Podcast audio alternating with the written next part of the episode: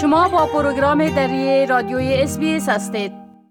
شنونده های عزیز خانم شگوفه باختری اخیرا لقب زن سال انجمن فرهنگی باختر به دست آورد.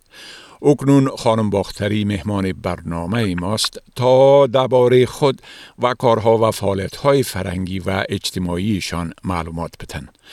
خانم شگوفه باختری به برنامه دری SBS خوش آمدین. و گرفتن لقب زن سال برتان تبریک میگم. خب اولتر از همه اگر درباره خودتان و درباره فعالیت ها و خدماتتان که شما را شایسته گرفتن ای لقب ساخته و شنونده های عزیز ما معلومات بتین به نام خداوند جان و خرد که از این برتر اندیشه بر نگذرد. شوفه بختری هستم. عرض درود و سلام دارم. به گرمی آفتاب صبحگاهی. به شما و تمام شنوندگان برنامه. افتخار می‌کنم که میمان برنامه وزین شما هستم. به گفته استاد محبت که سرزمین ایران گفتن مرا به جرعی از نگاه میمان کن. به تسلی خوش گاه گاه میمان کن. اگرچه غرق گناه هم ولی دلم پاک است. مرا به خاطر این بیگناه میمان کن. خوشحال و خوشبخت هستم که میمان برنامه شما هستم. زنده راجی به سوال که شما نمیدین سپاس و امتنان و تشکر از که این لقب بر ما مبارکی گفتیم ما اگرچه بویم که لطف و میربانی ارگانیزیشن باختر بود که مرا این مقام دادن.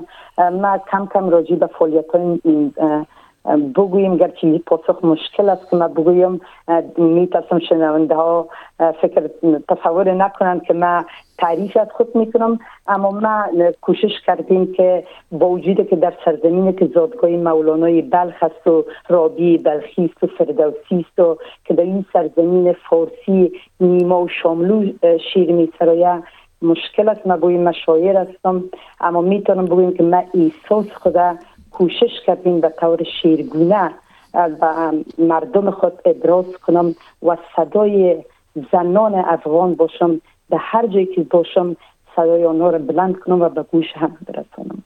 همچنان خواستیم در افز و گسترش زبان فارسی دری تا اندازه حق خود را ادا کرده باشم و خواستیم که از طریق برنامه که ما گوینده تلویزیون هستم به تلویزیون وطن ما و برنامه ما به نام باغ ابریشم است خواستیم از این طریق در قسمت زبان ما حتما خدمات یا حق خود ادا کرده باشم. و همچنان ما در انجمن فرنگی باختر در بخش های اجتماعی و فرنگی کار کردیم و فعلا بخش فرنگی شونه به عهده دارم. که فعالیت های ما بوده شاید و مردم رأی دادن لطف کردن به می دلیل یا لطف کردن و برنگیدن. بله.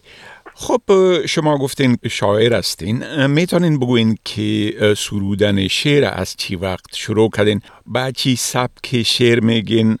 و آیا کدام مجموعه از اشعارتان چاپ هم شده؟ سپاس از سوالتان سوال بسیار عالی کردین. من مدت قرار که در اما مصاحبه های خود گفتیم ما سالها قبل از دوران مکتب شیر سرودیم. اما وقتی که ما از افغانستان با استرالیا آمدم ما کاملا سرودن شیر ختم کردم و نمی‌خواستم ادامه بدم اما می آلت مهاجرت انی دوری وطن انی دردها سبب شد که من دوباره بنویسم. و چین سبکار من می سرایم در شروع با شیر سپید شروع کردم. گاگوی غزل می سرودم چون من شیر سپید فکر می کردم بدون شرط و قید است. قافیه و وزن در کار نیست و من می‌تونم اما احساس ما بگویم. اما احساس متوجه شدم که غزل یک وزن است که بسیار آهنگین است و مردم دوست دارن. فعلا زیاد غزل می سرایم مجموعه شیری تا هنوز به چاپ نرسیده چون من قبل از واقع ویروس کرونا تصمیم داشتم مجموعه اشعار ما به چاپ برسانم. خودم در افغانستان حضور داشته باشم و در اونجا به چاپ برسه اما متاسفانه نشد. بعدا شرایط تغییر کرد. انشالله که تا ختم سال یا شروع سال آینده مجموعه اشعارم به چاپ خود رسید. بله بسیار خوب. حالا اگر لطفا درباره فعالیت های نشرات ویدیویی و تلویزیونی تان کمی معلومات بتین. بچشم چرا قرار قبلا گفتم ما در که در صفحات اجتماعی بیا با هم شیر بخوانیم آنلاین از طریق اینستاگرام خود ما با تمام کسانی که زبان فارسی صحبت می‌کنن برنامه می‌سازم و ما همه اشعار می‌خوانیم و با هم چی از سرزمین ایران تاجکستان و همه همه ما شرکت می‌کنیم. در علاوه از اون ما گوینده در تلویزیون وطن ما که در این برنامه که به نام باغ ابریشم یاد میشه ما از تمام دنیا تمام کسانی که مهاجر هستند و چیزهایی دارن برای گفتن به مردم از که در دنیای فرنگی اینا فعالیت داشتن و صدایشان فعلا خاموش بوده آنها رو دعوت می‌کنیم. صدایشان و گوش مردم میرسونیم. و همچنان کسانی که خواستن به طور آنلاین زبان فارسی دری را به مردم به اطفال که در دنیا در دنیای خارج از این زبان دور هستند می‌خواین آنها درس بتن ما دعوت کردیم در برنامه های خود و خواستیم که به تمام فامیلا اعلان از این صفحات برشان بتیم و همچنین ما کسایی را که کارهای خوبه مثلا ما در برنامه خود از آقای نبی یقین دعوت کرده بودیم که ایشان یک تاریخ بودن در حقیقت که آنها تمام تاریخ افغانستان مثل کلیکسیون جمع کرده بودن که گفته های از او یک درس بود به جوانا بله. و کسانی که از پشته ها خبر نداشتن بله این کارای ما در باغ ابریشم بسیار عالی. خب می‌تونین بگوین که چی پلان ها و برنامه های برای آینده دارین؟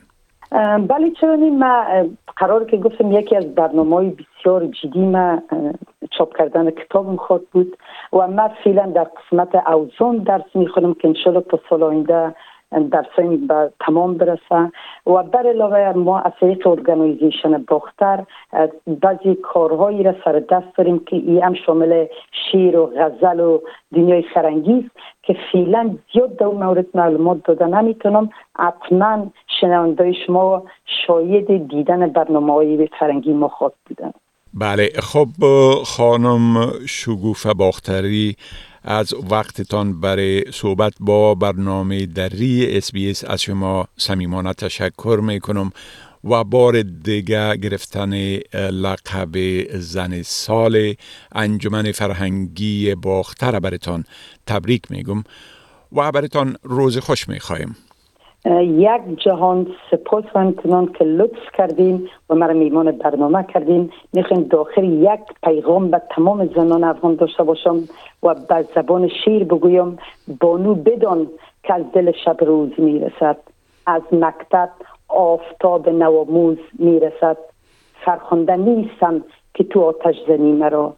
تاریخ شوم مرگ به دیروز می‌رسد. واقعا زیبا. بسیار تشکر بسیار لطف کردین و فعلا خداحافظتان. خداحافظ روز خوش داشته باشید